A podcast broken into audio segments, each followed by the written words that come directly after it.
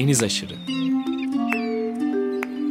Bozcaadalılar, adaya yolu düşenler ve adanın kıyısına vuranlar. Hazırlayan ve sunan Deniz Pak.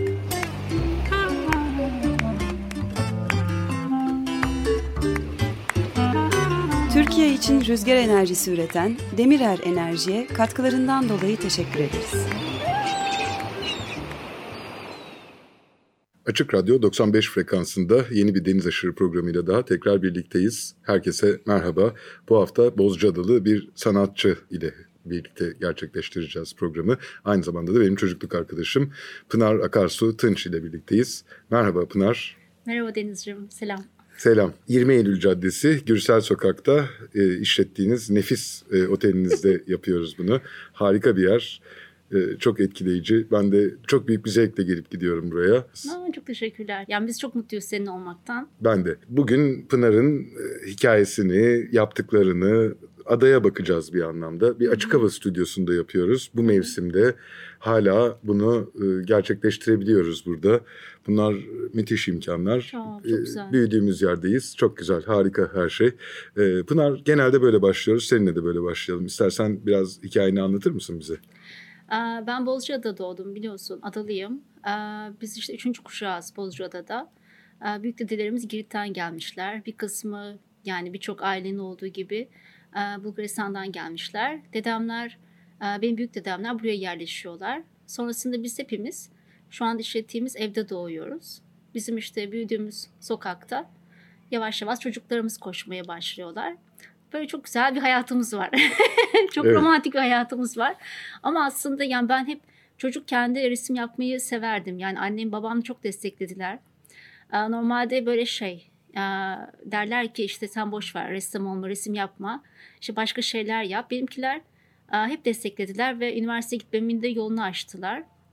Sonrasında akademiye gittim. Ondan sonra resim yapmaya devam ettim.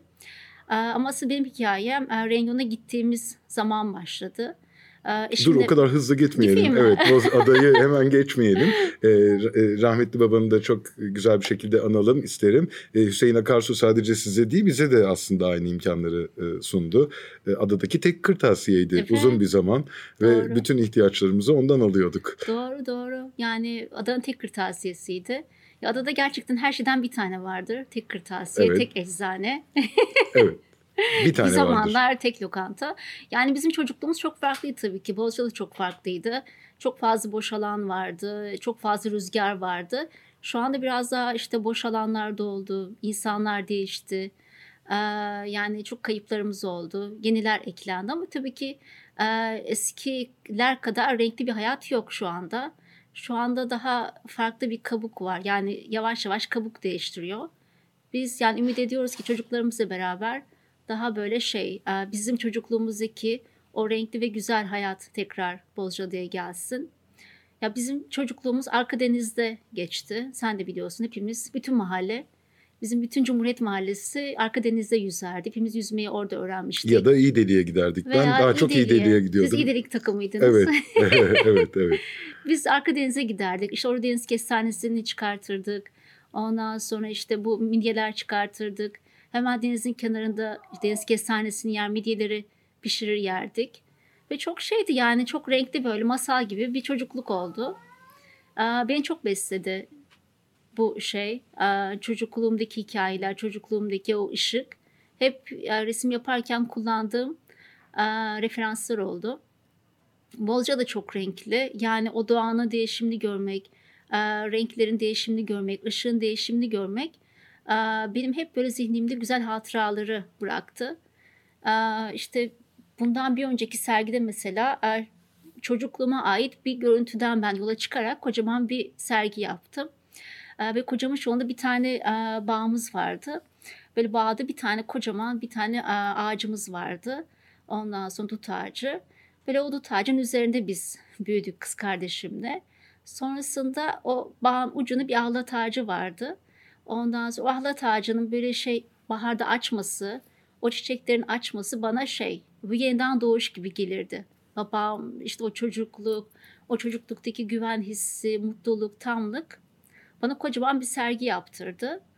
Ee, çok beslendim ben Bozcaada'daki çocukluğumdan, Bozcaada'daki e, biriktirdiğim hikayelerden. Şimdi onları yavaş yavaş çıkartmaya çalışıyorum. Çünkü birdenbire çıkmıyor. Yani Gayet tabii. yaşadıkça, e, yeni deneyimleri e, gördükçe eskilerde bu tortu olur ya sallarsın böyle tortu böyle yavaş yavaş havalanır. E, Ve salladıkça o çocukluğumdaki tortu yavaş yavaş havalanmaya başlıyor. Ya bir sanatçı için de aslında gereken şeyler. Evet. Nasıl karar verdin? Üniversitede sanatçı olacağım, resim okuyacağım, heykel okuyacağım. Evet. Böyle şeyler düşündün herhalde. Evet yani çok enteresan. Ben de şaşıyorum kendime. Yani yani çünkü Bozcaada'da yaşayan bir ailem var. Gerçekten e, o dönemlerde çok da böyle şey şu anki kadar bir dışarıyla bağlantımız yoktu. Ya tabii ki etrafımızda çok değerli insanlar vardı. İşte öğretim üyeleri vardı, sanatçılar vardı, heykeltıraşlar vardı. Ama ona rağmen kışın böyle kapalı bir hayatımız vardı. Yani bence bu içsel bir dürtü. Yani var olmakla alakalı bir şey. Babam yani çok kıymetli bir insandı. Benim hayatımda çok önemli yeri var. Yani beni çok güzel yönlendirdi. Benim o işi gerçekten ve kalpten istediğimi yapabileceğimi gördü. Ve ne kadar sonuna kadar gidebileceğimi de muhtemelen hissetti. Böyle bir şey de vardı. Ticaret kafası da vardı. O gözle de baktı. Beni yönlendirdi. Ben işte erken başlamıştım okula. Erken bitirdim.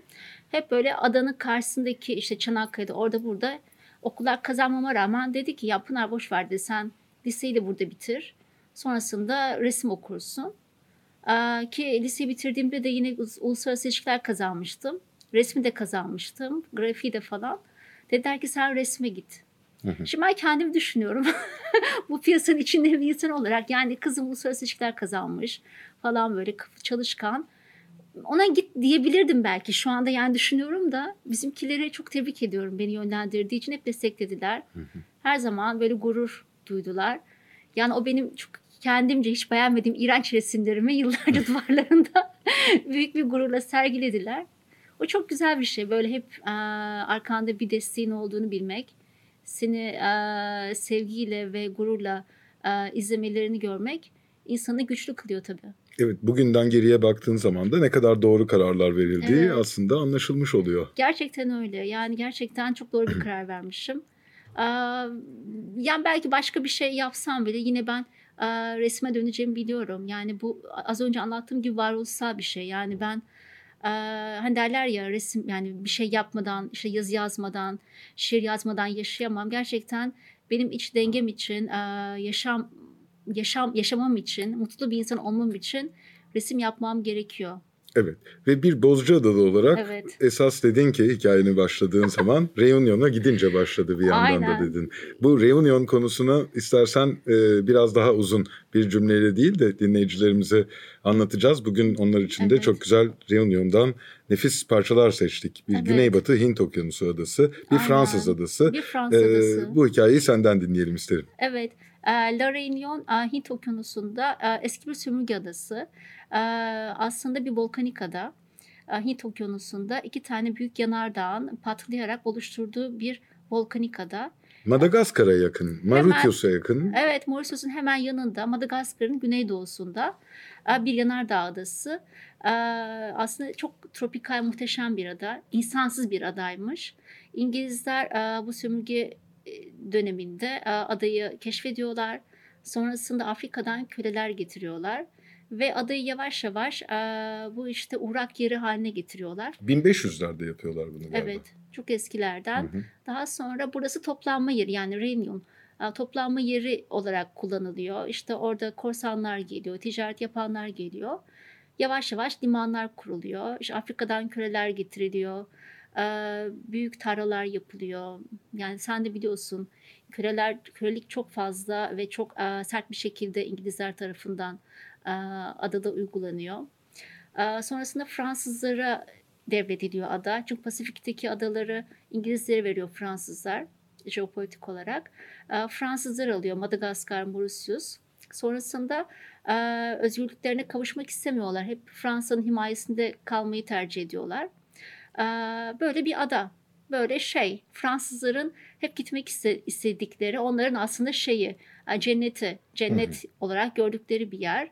E, tropikal bir ada. Yani ben hayatımda işte ilk gittiğimizde, ilk gittiğimiz hafta kamur balinaları gördüm. Böyle hamileyim. Kızıma adaya hamileyim. İşte 3 aylıktı oraya gittiğimizde. Ee, yani Türkiye'deki gibi böyle sürekli doktor falan görmüyorsunuz. Yani üç kere falan doktor e, görmüştük biz gittiğimizde. İlk gittiğimiz hafta ve doktora ziyaretine gitmiştik. Ondan sonra adada böyle şey otoyol var ama okyanusun içinde bir otoyol. Ve hemen yanında okyanus var. Kocaman uçsuz bir okyanus. Ve birden baktık böyle yanımızdan bir balina ailesi gidiyor. Mehmet dedim eşime böyle bak balinalar falan böyle. İşte büyük balina, küçük balina, böyle başka balinalar falan. E, çok vurulduk yani. Çok böyle bizi etkiledi ve çok e, çarpıcıydı o gördüklerimiz. E, inanılmaz bir resifler var. Işık çok farklı. Yani benim Ege'deki, İstanbul'daki gördüğüm ışıkla Hint Okyanusu'ndaki o işte tropikal kuşağın ucundaki renyondaki ışık çok farklı. Gölgeler çok farklı. İnsanların tonları farklı, giydikleri giysiler, saçlar yani her şey aslında bambaşka. Bir sanatçı olarak beni tabii ki çok etkiledi. Ama biz orada bir Türk aile olarak gittik. Ve oradaki tek Türktük yani bizim yaşadığımız dönemde. Sonrasında başka bir Türk aile de geldi. Yani şöyle düşündüm ben. Ya Türk'ün olmadığı bir yerde varmış dedim. Gerçekten hep Türklerin her yerde olduğunu düşünürüz ama Reunion'da yoktu. Biz de yani Mehmet'e gittiğimizde dedik ya maceraya atılalım mı? Çünkü çok güzel bir fırsat. Eşim akademisyen benim. Fransa'da akademisyendi ve doçentlik kadrosu La Reunion'daydı. İstanbul'da işte iyi işlerimiz vardı. Eşimin kürsüsü vardı üniversitede. Ama yani böyle bir deneyim yaşamak istedik. İşte ben ilk oğlumu doğurmuştum. Daha beş aylıktı. İşte kızıma hamileydim falan. Sonra İstanbul'daki işlerimizi bıraktık. Evimizi kapattık. İşte arabayı sattık. Eşyaları sattık. Dört valizle biz 10 bin kilometre yol yaptık. Ondan sonra bilmediğimiz bir tropikal adaya yerleştik. Dağlarda kaldık önce. Ondan sonra sonra da baktık biz şeyiz ya şehir insanıyız. Daha merkeze indik. Sonrasında o renkli ada hayatıyla yavaş yavaş böyle yaşamaya başladık. Müthiş. Reunion'u dinleyelim biraz. Nasıl bir yer? Neler umuyordun? Belki beklediklerini buldun mu orada? Gibi sorularım var. Nasıl bir coğrafya? Yani çok farklı bir aslında iklim. Yani iklimin gerçekten ne kadar e, değiş insan hayatını etkilediğini gördüm ben. Çünkü Bozcaada'da doğdum, Ege'de büyüdüm. Ondan sonra işte Bursa'da yaşadım, İstanbul'da yaşadım, Ankara'da yaşadım. E, sonrasında hep büyük şehirlerde yaşadım ama hep birbirine yakın iklimlerde yaşadım. E, bir tropikal kuşakta yaşamak, okyanusta yaşamak ve e, okyanusun kendi e, ve işte o tropikal kuşağın kendi iklimde yaşamak tamamen farklı bir durum. Çok sıcak yani inanılmaz bir sıcak görüyorsunuz. Sürekli mi sıcak? Yaz, kış? Yani aslında yaz ve ilkbahar var aslında. Hı. Kış diye bir şey yok. Ee, Güney Yarımküre'de olduğu için Aralık falan, Aralık, Ocak, Şubat korkunç sıcak. İşte biz böyle yeni yıllarını plajda falan kutluyorduk. Böyle arkadaşlarımıza şampanya falan patlatıyorduk. Herkes dans ediyordu. Havai fişekler falan. Muhteşem yani karposal gibi. Deniz çok güzel yani okyanus çok güzel. Balıklar böyle adımınızı atıyorsunuz her taraf resif. Yani balıklar böyle pıt pıt gelip dokunuyorlar size. Hepsi koruma altında olduğu için kaçmıyorlar. Rengarenk inanılmaz bir balık. İnanılmaz mercanlar. Mercan resifleri sığdır sonra çok görülebilir. Yani belli bir derinliğin altında yaşamıyor mercanlar evet, çünkü. o kadar güzel ki yani iki adım sonra resifler ve yani her türlü bir mercan oluşumu var. Ondan sonra yani bitkiler öyle. İnsan çeşitliliği çok fazla. Çünkü çok fazla kültür var. Hint kültürü çok e, yoğunluklu hissediliyor. Çinliler öyle. Asıl işte adanın yerleri olan Afrika'dan getirilen Kreoller, bu Hintliler ve Çinlerle karışmış olan Kreoller, e, Afrikalılar. Kreol deniyor onlara. Onlara Kreol deniyor, evet. Onlar adanın zencileri. Aslında tam zenci de değil, böyle çikolatalı renkli tenleri var. O kadar güzel karışmışlar ki mesela çekik gözlü bir Kreol zenci Bizim mesela ayak araba tamircimiz şeydi. Çekik gözlü. Annesi Çinli. Uzak doğulu. Babası Kreol. Böyle inanmıyorsun yani böyle bir karışım şey gibi Avatar filmindeki böyle insan karışımları gibi. O kültürler de tabii kendini çok hissettiriyor Çinlilerin. İnsanlar da fantastik yani. İnsanlar da çok fantastik yani gerçekten böyle inanılmaz bir doğa var. Bütün dağlar, bütün her yer şeker kamışı. O şeker kamışı tarlanın arasında geçerken o görmüş olduğun işte renk, o rüzgarın değişimi, o sesler falan inanılmaz. Yani bir ressam olarak böyle inanamıyorsun. Sanki bir avatarın içinde gidiyormuş gibi hissediyorsun. Aa, insanlar da öyle. Biz böyle eşim sağ olsun bütün yoldan geçen otostopçulara toplardı. Gittiğimiz her yeri onları taşırdık. Genelde hep böyle şey alkolikler denk gelirdi bize. Derdik böyle ne yapıyorsun? Aslında belli yani. Alkolik şey derlerdi genelde. Ben işte içki üzerine ihtisas yapıyorum. Çok hoş. Böyle şey yani çok renkli insanlar vardı. Bir volkanik ada dedin. Çok büyük bir ada mı? Çok büyük olmasa gerek o zaman. Ya aslında büyük bir ada. Yani biz e, 4 Rodos büyüklüğünde olduğunu hesapladık. Bayağı büyük. Oldukça Hmm. büyük. E, nüfusu da aslında Neredeyse Girit kadar yani. neredeyse Girit kadar. E, işte biz yaşadığımız dönemde biz 2011'de yaşadık. O, o dönemde e, 800 bin nüfusu vardı ve Fransa'ya göre e, çok yoğun bir nüfus aslında o metrekareye göre insan e, sayısının düştüğü oran. Yani renkli bir ada, güzel bir ada, volkanik bir ada. Her sene patlayan bir volkan var. Her sene ada büyüyor. Okyanusun içine, içine doğru akan bir e, lav var. Böyle yani düşünsenize bir canlı var. Yani böyle dünyanın içinde yaşayan bir canlı var. Böyle sürekli ben buradayım diye böyle e, lavlarını çıkartıyor ve akıyor. İnsanlar e, o lavların akmasını falan izlemeye gidiyorlardı. Lavların içine falan düşüyorlardı. Böyle inanılır gibi değil. On, lav turizmi vardı. Ondan sonra koruma altında orkide ormanları, inanılmaz yani inanılmaz böyle kocaman bildiğimiz bu aşk merdiveni çiçeği vardır. Hı hı. Bitkisi vardır. Onun ağaçları, ağaçlar vardı. Her taraf endemik bitki. Hepsi koruma altında. Hayvanlar öyle çok renkli ve çok çeşitli. Her yerde mesela kardinal denilen kuşlar vardı. Bizim kargalarımız gibi her yerde. Ve kıpkırmızı kuşlar, büyüğü, küçüğü falan. Artık biz öğrenmiştik. Aa, bu büyük, bu evet erkek, bu küçük falan böyle. Ve geliyorlardı, takılıyorlardı. İşte semenderler, biz onlara marguya diyor, diyoruz. Her rengi vardı. Yeşili, kırmızısı, sarısı, siyahı falan. Onları ben çok kullandım resimlerimde. Yani o kadar böyle etkileyici ve çarpıcı ki o doğa, doğanın zenginliği. Yani bir sanatçının kullanmamasına imkan yok. Evet o orada bir yerel sanat da var eminim. O yerel sanattan da anlaşılan o ki hem etkilendin hem de oradaki canlıları, renkleri nasıl kullandıklarını da bir anlamda görmüş oldun. Evet. Yani yerel sanat var. Evet. Aslında şöyle grafiti yani sokak resmi çok fazla. Sokak resmi çok kullanılıyor. Chess denilen e, Reunion'da yaşayan sokak resmi var. Reunion'u e, üst olarak kullanmış ama Avrupa'da ve işte dünyada tanınan bir ressam. Ama her tarafta bir sokak resimleri var. Yani bu bizim bildiğimiz böyle kiç resimler değil. Gerçekten çok sanatsal Evet. resimler. Şey benziyor biraz Midilli'deki Teofilos gibi birisi galiba. Yani birileri herhalde. Evet. Ona benziyor gerçekten. Yani bir sanat şey, hikayesi olan şeyler yapıyor. İçinde espri var, hikaye var. Hep aynı karakter kullanılıyor. Ama bunun dışında böyle yerel hep sanatçılar var. Yani böyle yerel kumaş desenleri çok fazla, motifler çok fazla.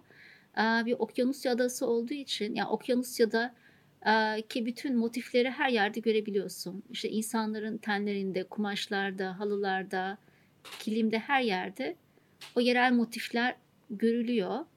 Ve çok da şey aslında bildiğimiz desenler ama yani aslında onların biz o olduğunu bilmiyoruz. hı. Örneğin bundan işte belki bir 8 yıl önce Swatch'un kullandığı bir desen vardı. Böyle e, üçgenler birbirini kesiyor. Fidji adasının en ünlü desenli motiflerinden birisiymiş. Ben işte o araştırmalarım sonucunda onu gördüm. Sonra bir baktım aa, işte Swatch kullanmış, Adidas ayakkabıların üzerinde desen olarak kullanmış. Çok da aslında tasarımcıların falan böyle alıp cımbızlayıp kendi eee, tüketim toplumun için kullandıkları motifler, okyanusya motifleri.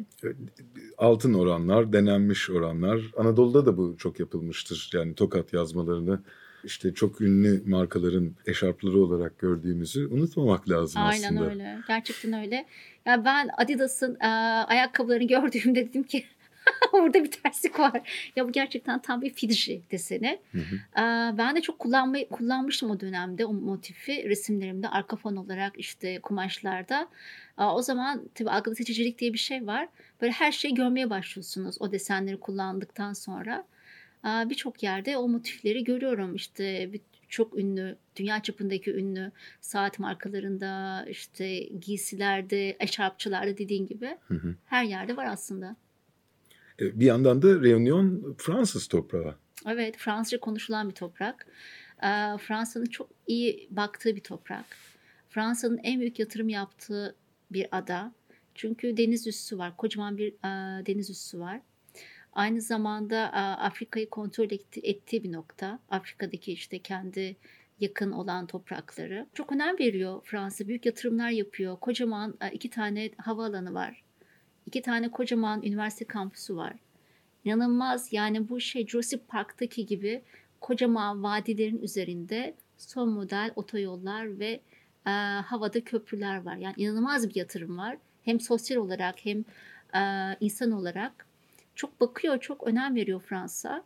İnsanlar da oradaki yaşayan Kreoller de bunun aslında e, tadını çıkartıyorlar. Evet başka bir millete de bağlanabilecekken Fransızlarla birlikte kalmayı tercih etmiş bir topluluk neticede Evet, Kreoller. aynen öyle. Yani seçmediler. Mesela Madagaskar, Mauritius hepsi özgürlüğünü kabul etti. Hı hı, Ee, Fransa öyle bir hak sunmuştu. La Réunion onu reddetti. hı hı. Fransa'da bağlı kalmayı tercih etti. Mandacılık candır diye. Candır diye. Evet. Gerçekten bütün konforunu yaşıyorlar. müthiş, müthiş. Evet, Fransa'dan istifade etmek amacıyla biz okyanusun ortasındayız. Ne olabilir ki belki diye bakıyor olabilirler. Yani enteresan bir şey evet yani o enteresan bir seçim. Ben de hep düşünmüşümdür yani neden? Çünkü sen yani köle olarak getirilen insanlar tekrar e, özgürlük özgürlüğü tercih etmiyorlar. Kendilerine ait bir şey kurmuyorlar. Devam ediyorlar. Onların seçimi. Şimdi bir şey diyemiyorum ama yani benim gördüğüm gerçekten Fransa'nın her şeyinden çok güzel yararlanıyorlar. Neyle geçiniyorlar Pınar? Yani çok fazla aslında şey var, tarım var. Yani inanılmaz her yerde ama her yerde şeker kamışı var. Ve şeker kamışından dolayı rom var. İnanılmaz bir rom tüketimi var, üretimi var. Şaret diye bir firma var. Ee, aslında şaret şey, Bir denizci içeceğidir bu arada rom. Yani rom. Evet ve adaların içeceği. Yani adalarda çok içilir böyle tropikal adalarda rom. Her türlü romu yapıyorlar. Onu satıyorlar, üretiyorlar.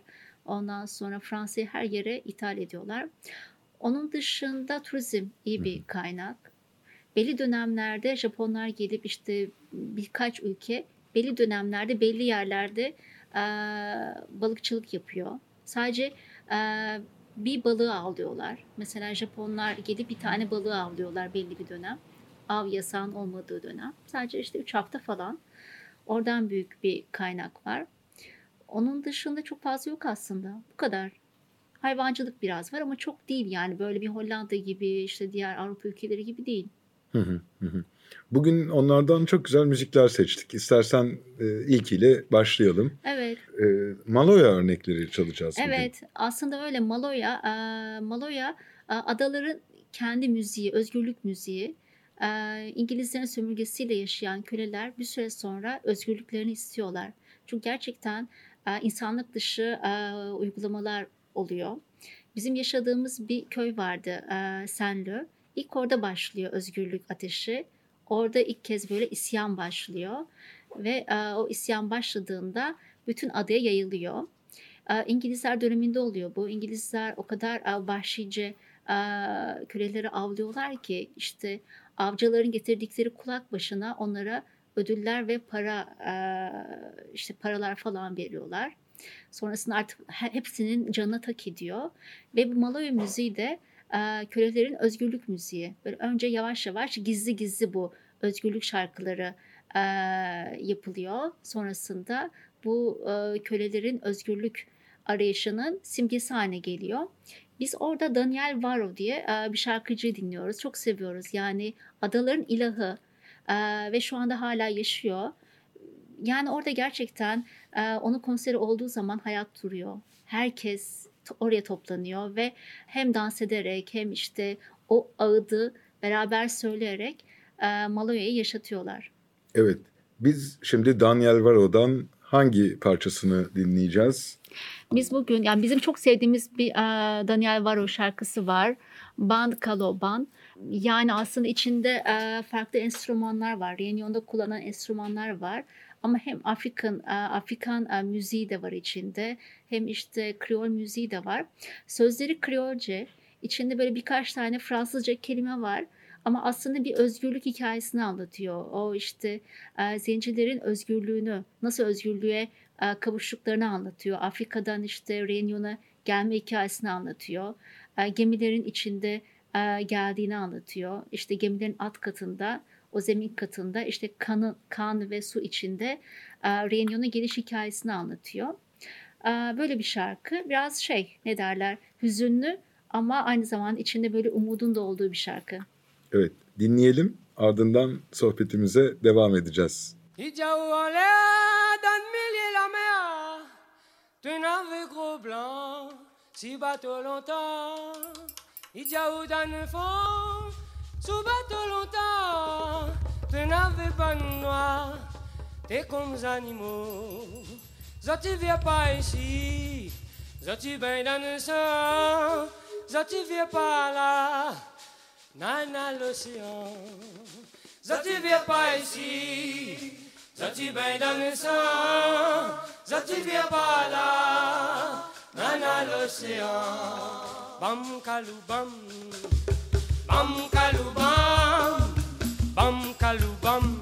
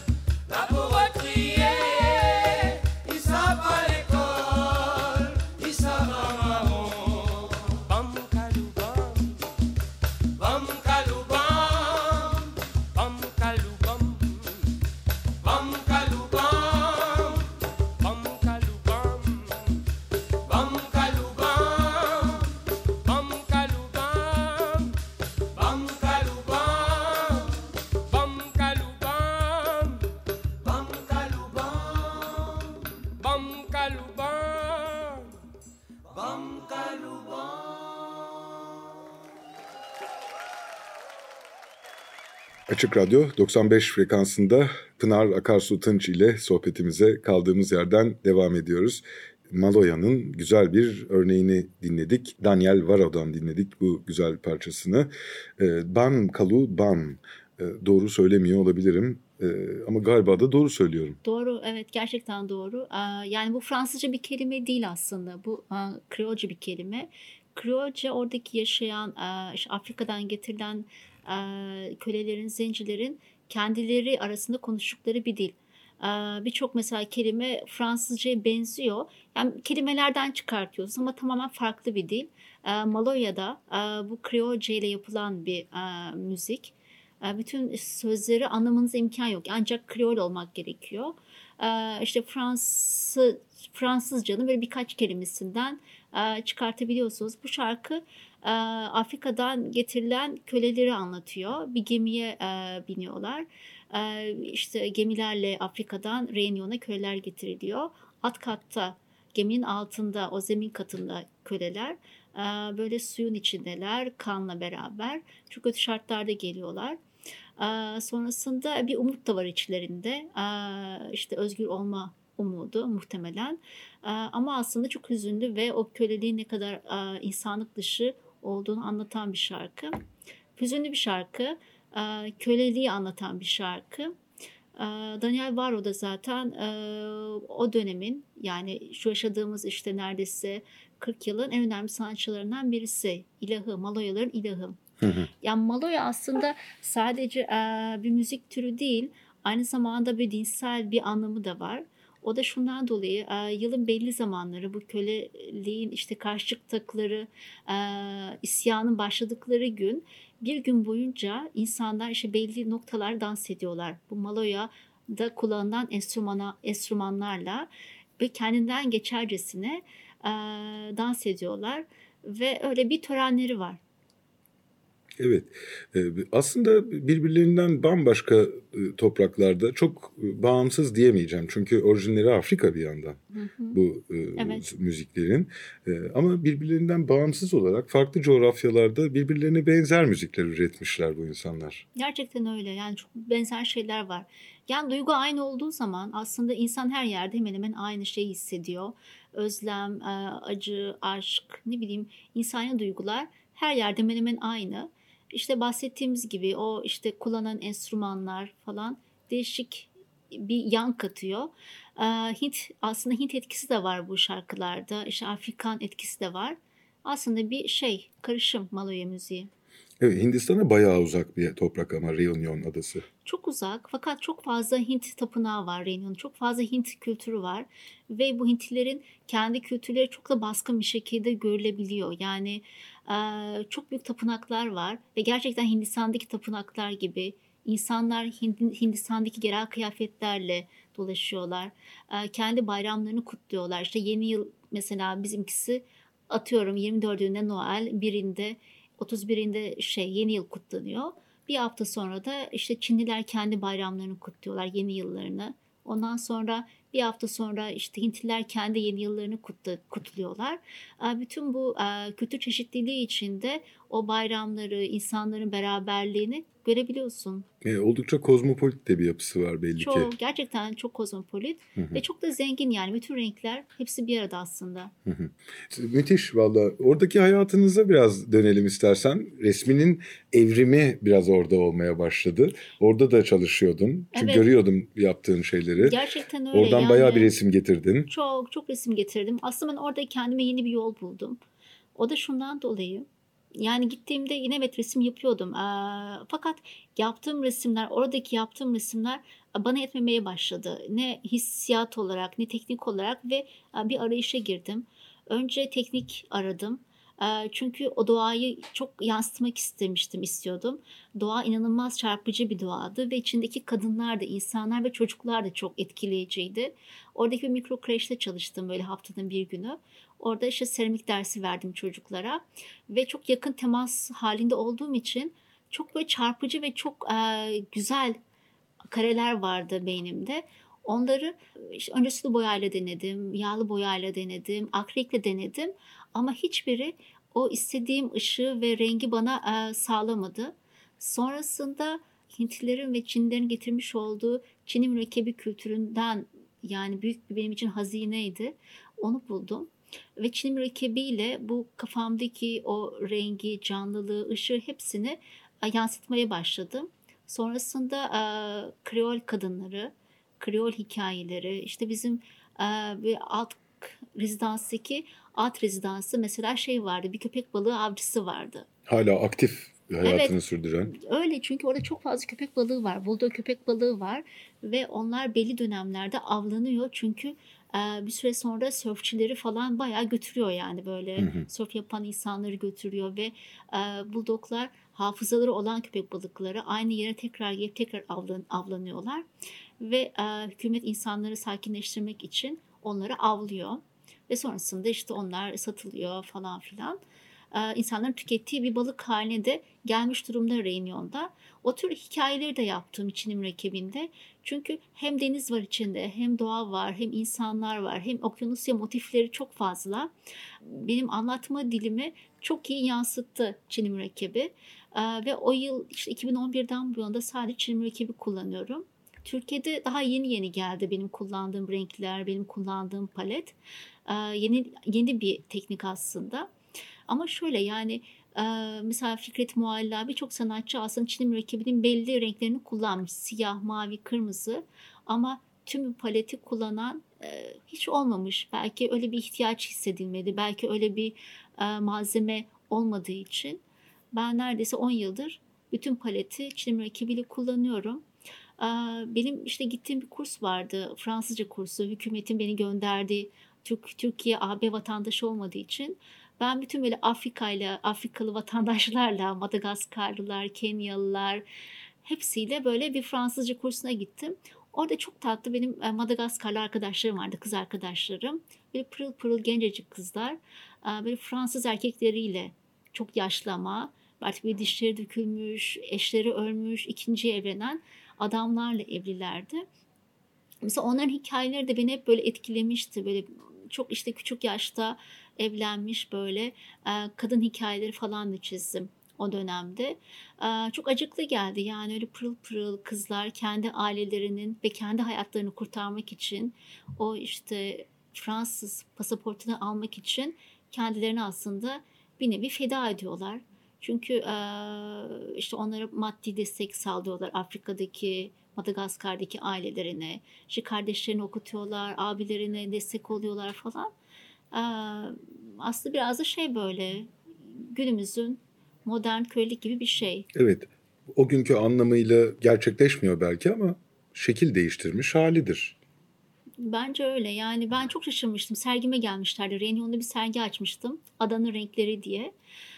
Oradaki Reunion'daki insanları yapmıştım. İnsan hikayelerini yapmıştım. İşte Madagaskarlı kadınlar böyle yerel kıyafetleriyle falan hikayeler yapmıştım. İşte bizim e, yaşadığımız bir e, ilk yaşadığımız evin hemen yanında bir tane çiftlik vardı ve çiftlik horoz çiftliğiydi. Sonradan öğrendik ki dövüş horozları yetiştiriyorlarmış ve bir tane tavuk varmış. Daha sonradan öğreniyoruz. O tavuk bütün gün ağlardı.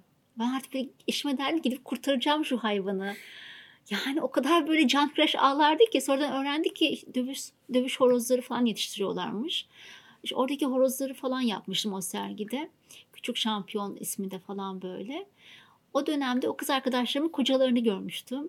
Ya yıkılmıştım. Yani o muhteşem, hoş, gencecik pırıl pırıl kızların yanında çok yaşlı böyle Fransız erkekleri. Hüzünlüydü yani. Biraz böyle sarsılmıştım o hikayeleri gördüğümde. Ama yani bu da hayatın bir gerçeği ne yazık ki. Yapabilecek bir şey yok sadece. İşte hikayeleri dinleyebildim ben. Ee, Resimlerimi yaptım. Ee, Tabii ki şey, acıklı hikayeler. Evet. Yani sadece insanlar medeni bir coğrafyada yaşayabilmek için neleri feda ettiklerini gösteren güzel örneklerden bir tanesi bu da. Evet, Bu coğrafyada da çok görüyoruz. Çok. Akdeniz en büyük Müslüman mezarlığıdır. Korkunç. Ee, Evet. göç edenlerin ve bu insanların sadece yaşamaya uygun ideal bir coğrafyaya e, gidebilme çabaları kendi yerlerinde, kendi vatanlarında yaşayamadıkları, yaşam imkanı tanınmadığı için kendilerine e, uygun yaşam alanı arama Gerçekten periyodu. öyle. Korkunç günler. Yıllar geçtikçe her şey daha iyiye gitmesi gerekirken tuhaf bir yere gidiyor. Enteresan. Reunion adası okyanusun ortasında bir adada da Afrika'dan gelen, Madagaskar'dan gelen ve bir nevi yırtma çabası içinde olan Ya. insanların hikayesi de demek oralarda da var. Gerçekten öyle. Yani kadın hikayeleri belki dünyanın birçok yerinde birbirine benziyor. Yani o kadın yani kadın çok enteresan bir şey. Çünkü hem çok Reunion'da etkileyici kadın tipleri var. E, Hem fizik olarak hem işte kendini ifade etme olarak hem de hikaye olarak e, beni çok etkiledi. Yani birçok sergi yaptım. Mesela Kara Kadın e, Adası diye bir sergi yaptım. Ee, Oradaki kadınların işte bütün zorluklara rağmen nasıl bağışladıklarını, bağışlayıcı olduklarını, yaraları sardıklarını anlattım. Daha sonra işte Ada Kara Kara Ada diye bir sergi yaptım. Yine orada e, Reunion kadınlarını işledim.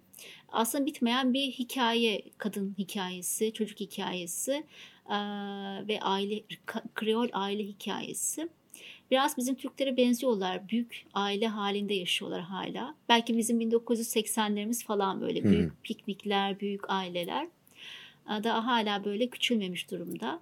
Biz böyle işte Silios denilen böyle minik köylere falan giderdik hafta sonları. Orada böyle konuşurduk yaşlı Kreol teyzelerle. Bize, bize bakardı bir iki tane çocuk var. Böyle şey yani üzülürdü herhalde. Benim derdi 10 tane çocuğum var, 11 tane çocuğum var. Biz böyle inanamazdık ya nasıl 10 tane 11 tane çocuk. Hep öyle yani böyle çok çocuklu, çok şeyli, kalabalık aileler. Güzel hikayeler yani bir ressam olarak, bir sanatçı olarak insanı besleyen ve böyle şey e, sürekli yeni hikayeler e, gör- gör- gördüğüm, e, yaşadığım bir çevre. Ee, çocuklar çok güzel, çok etkileyici çocuk hikayeleri var. Yani tipleri çok güzel, ifadeleri çok güzel. Beni çok etkiledi ama en çok etkileyen şey aslında e, o da orada kullanılan desenler, motifler. E, Ben motifleri çok fazla kullanıyorum. Hem e, resimlerimin arka planlarında hem de e, insanların üzerlerinde bir sergi yapmıştım. O sergide e, işte Okyanusyadan Sevgilerle diye bütün o desenleri böyle insanların e, üzerlerine, tenlerine dövme olarak yapmıştım. Çünkü e, inanamadığım dövmeler gördüm. İşte bizim her sabah eşimle böyle gittiğimiz bir şey vardı, kafe vardı. Ben bir kahvemizi içip o işine giderdi. Ben de işte diğer kendi işlerime. Bir tane kız var bize servis yapan. Böyle bir tane kocaman bir yılan şeyi vardı. Dövmesi vardı. Bütün böyle bacağını boydan boya saran. Ondan sonra kollarında böyle frangipani çiçekleri var. Yani o desenler, o doğanın her şeyi aslında insanlar kendi tenlerine dövdürmüşler. O da böyle çok etkileyiciydi. Yani bizim bildiğimiz dövmeler işte kola yapılır, bacağı yapılır böyle şey miniktir ama böyle tamamen ekspresif olarak bütün vücuda yapılmaz. Reunion'da o tür böyle bir şey anlatım da var. O da çok çarpıcı. Evet. Evet. Sonra Reunion'dan geldiniz buraya. Eşin hala devam ediyor. Gidip geliyor ama sen Eşim daha gidiyor. e, az gidip geliyorsun anlaşılan. Evet ya ben işte iki- babamı kaybettiğimde 2015 yılında geldim. İki sene daha işte 6 ay 6 ay gittim geldim. Sonrasında tekrar İstanbul'a döndük. Eşim hala gidip geliyor işte e, yılın belli dönemleri orada hala ders vermeye devam ediyor. Ee, ama yani bizim Reunion sevgimiz, aşkımız hala devam ediyor. Bilemiyoruz belki tekrar ileride gidebiliriz, dönebiliriz. Yani o açık kapı hala duruyor. Ama bana açtığı yol yani resim olarak, sanat olarak eee, çok büyük bir şey, yeni bir yol benim için. Çok da böyle zengin bir yol. Ben hala o yolu yürüyorum. Hı hı. Ama enteresan bir şey var. Ben yıllar önce Paris'te bir sergi gez, eee, bir müze gezmiştim. Medeniyetler Müzesi. O Medeniyetler Müzesi'nde en üst katta Avustralya yerlerin sergisini gezmiştim. Aborijinlerin. Ve çok etkilenmiştim. Yani o aborijinlerin eee, yapmış olduğu böyle soyut desenler, o işte primitif e, motifler falan çok etkilemişti beni. E, hiç de anlamamıştım. Ne alaka falan demiştim yani aborijinler falan. Reunion'a gittiğimde oradaki o insanları, o şeyleri gördüğümde ne derler desenleri, motifleri gördüğümde anladım sonra niye çok etkilendiğimi. Yani aslında hemen hemen aynı soyut duygular anlatılıyor. Deniz, işte hareket, insanlık, coşku falan. Hepsi aslında şeymiş. birbirine yakın şeyler. Aynı müzikteki gibi işte demin söylediğimiz şeyle Evet e, aslında bir benzeri sanatın farklı coğrafyalarda, farklı yerliler tarafından e, benzer sonuçları diyebiliriz. Evet aynen öyle. Yani gerçekten öyle bir durum yaşadım. Bu da şaşırtmıştı beni. Yani sonra Hı işte yıllar sonra gittik Reunion'a yerleştik. O benim aborijinler sergisinde gördüğüm motifler böyle her yerde. Sonra dedim ki "Ya evet dedim yani gerçekten bu soyut ifade, piramit ifade şekli aslında Ege'de de var ama onu biraz içselleştirdiğim zaman yani o tortuyu kaldırdığım zaman anlayabildim. O da bir şey oldu. Ne derler? Sebep oldu. Hı hı. Müthiş. Şimdi neler yapıyorsun? Programın son bölümüne geldik. Biraz hızlıca toparlayalım. Yani şimdi işte İstanbul'da e, atölyem var benim. Bolca'da yaşıyorum. Yani e, bayağı uzun 4-5 aydır şu anda Bolca'dayız. İşte burada yeni sergiye hazırlanıyorum. E, Yeni sergim olacak. Onun işlerine başladım yapmaya. İşte minik bir otelimiz var. Ondan sonra onu işletiyoruz. Bir yandan Alev Lisesi var. Orada işte ders veriyorum. Sanat dersi veriyorum. Yani hala devam ediyorum resim yapmaya. Hikayeleri devam ettiriyorum. Çin mürekkebi yine kullanmaya devam ediyorum. Çok mutluyum yani adada olmaktan, Bolca'da da yaşamaktan, bu işte Ege ışığını tekrar görmekten. Çünkü çok keyifli bir hayat, adadaki hayat. Yani şu anda biz işte Ekim'deyiz. İnanılmaz bir şey yaşıyoruz, mevsim yaşıyoruz. Evet. Rüya gibi. Nefis bir avluda, açık havada. Evet konuşuyoruz yani. Müthiş. Evet yani üstümüzde işte 150 yıllık bir tane hurma ağacı. Benim doğduğum, büyüdüğüm ondan sonra evin bahçesinde oturmuş böyle sohbet ediyoruz, konuşuyoruz, şarkılar dinliyoruz. Yani bu nefis bir şey. Nefis bir hediye. Hayatın muhteşem bir hediyesi bize. Müthiş. Gerçekten müthiş. İyi ki e, varsın Pınar. Sayende biz de nefis resimler, nefis renkler, nefis kompozisyonlar, harika hikayeler görüyoruz. Yani sen de ki varsın Denizciğim. Gerçekten büyük bir eee, zenginlik senin varlığın. Hep birlikte olunca çok güzel oluyor işte her şey. Dinleyicilerimiz radyoda resim anlatmak çok zor, tasvir etmek çok zor. Resimlerini nasıl görebilirler acaba Pınar? Benim kendi kişisel web sitem var. Eee, pinartinç.com. Oradan eee, orada yaptığım eee, işleri görebilirler. Bu Okyanusya, Reunion, Bolca'da resimlerini görebilirler. Sonra İstanbul'da eee, Arnavutköy Art Galeri ile çalışıyorum. Oradaki onun web sitesinde yine sergilerim var, resimlerim var. Ankara'da Galeri Soyut ile çalışıyorum. Yine orada da son yaptığım sergi var. 2000 eee, on- 2019-2020 sergim var. Onu görebilirler. İşte Instagram. Hepimiz Instagram'dayız zaten. Pınar, Pınar Tunç. Eee, görebilirler oradan işlerimi. Harika. Ee, tavsiye ediyoruz. Görmeye değer diyebilirim. Çok teşekkürler Pınar. Ee, yaşadıklarını dinledik, yaptıklarını dinledik, gördüklerini anlattın en önemlisi. Evet. Çok teşekkür ederim. Ben teşekkür ederim Denizciğim. İlerleyen haftalarda başka şeyler yapacağız diye konuştuk. Hatta belki Evet. çok yakında yapacağız. Bu müziklerin diğer örneklerini de çalalım birlikte. Biraz anlatalım. Evet. Ee, son seçtiğimiz parçayı da istersen anons edelim ve e, sonra veda edelim dinleyicilerimize. Evet, yine bir Daniel Varo şarkısı seçtim. İsmi Batar City. Yine Maloyaca bir şarkı. İçinde Kriolce var. Eee, yine bu işte anlattığımız hikayeyi bize anlatıyor. Eee, kölelik ve özgürlük hikayesi. Umarım bizim kadar siz de Maloya şarkılarını seversiniz. Biz çok seviyoruz. Programın sonunda Daniel Varo'dan Batarsite isimli parçasını, e, Maloyasını dinleyeceğiz. Kreolce söyleyecekler. E, Açık Radyo 95 frekansında bir Deniz Aşırı programının daha sonuna geldik. Önümüzdeki hafta Salı günü saat 11'de yeniden buluşuncaya dek hoşçakalın. Hoşçakalın. Mwen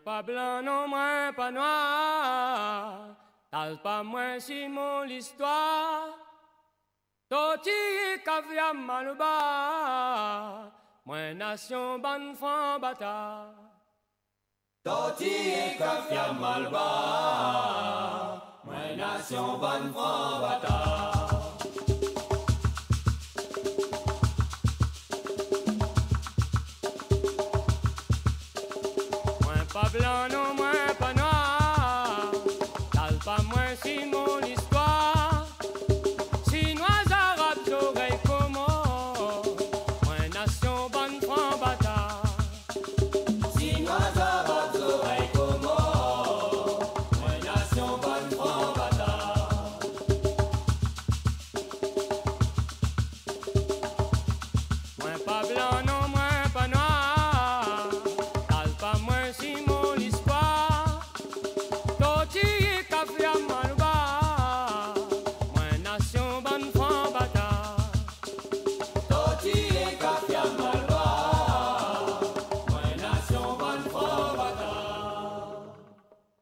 Mode à si tu veux, à cette à si tu veux.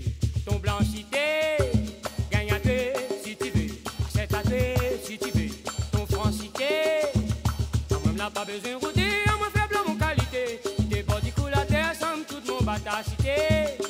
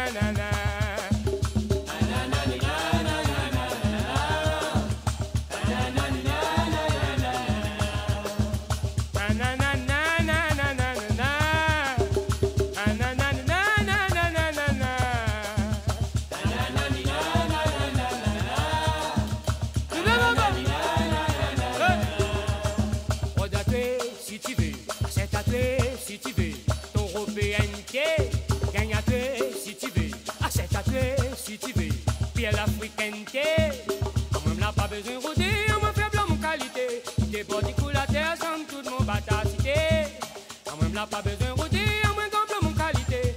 T'es particulier terre sans tout mon rayonnalité Ça y est particulier terre sans tout mon bata Ça y est particulier terre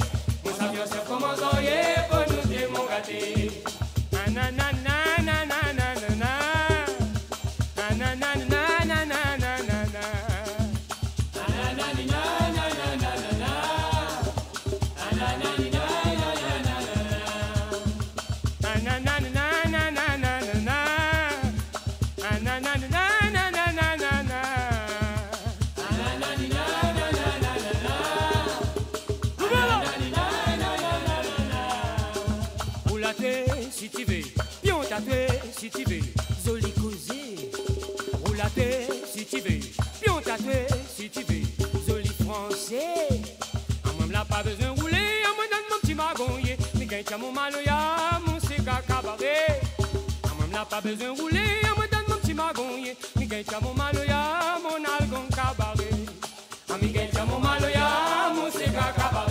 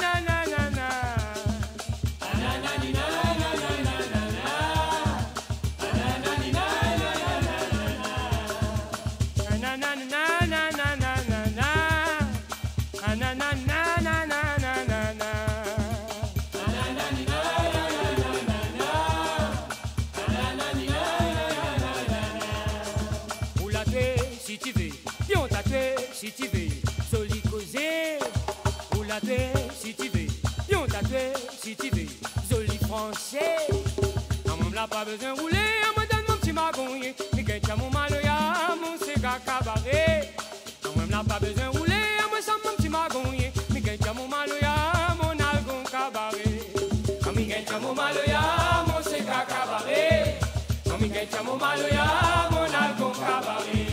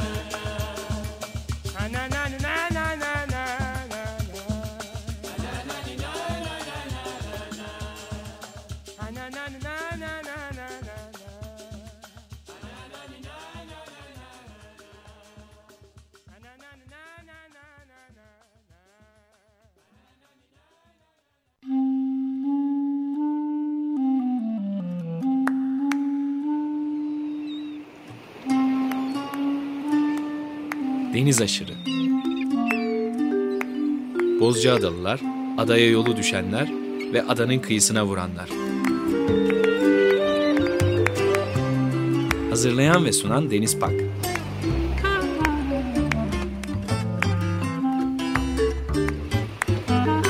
Türkiye için rüzgar enerjisi üreten Demirer Enerji'ye katkılarından dolayı teşekkür ederiz.